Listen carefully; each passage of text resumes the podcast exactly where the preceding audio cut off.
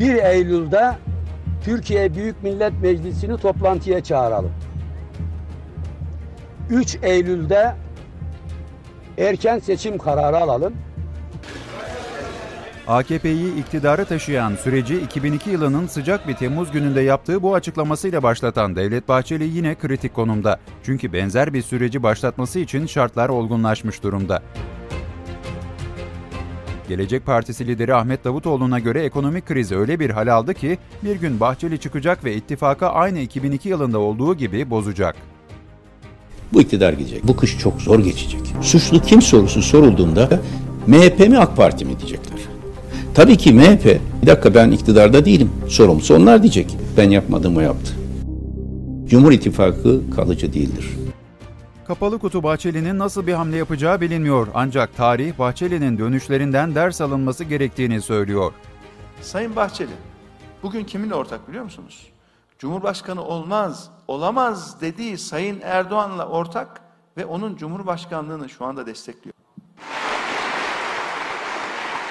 Vatanı bölme, milleti 36'ya ayırma hedefinde olandan Cumhurbaşkanı olmaz. Twitter'ı engelleyen, YouTube'u kapatan, kişisel hak ve hürriyetleri budayandan Cumhurbaşkanı olmaz.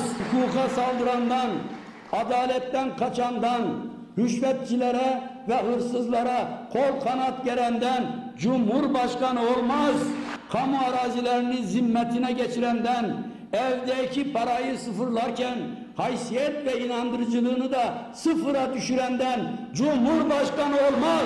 Hükmü reddeden, TC'yi silen, milliyetçiliği ayaklar altına alan bir inkarcıdan Türkiye Cumhurbaşkanı olmaz, olamaz, olamayacaktır. Kısacası iki yanlıştan bir doğru çıkmaz, tekeden süt sağılmaz, balda tuz bulunmaz, suda ateş yanmaz. Recep Tayyip Erdoğan'dan da Cumhurbaşkanı olmaz.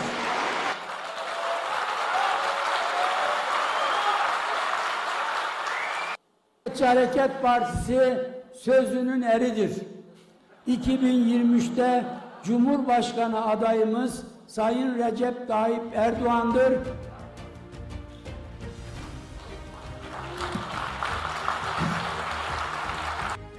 Bahçeli bakalım yine günden gün eriyen ortağına son darbeyi 19 yıl sonra bu kez kış soğuğunda yapacağı bir açıklamayla indirecek mi?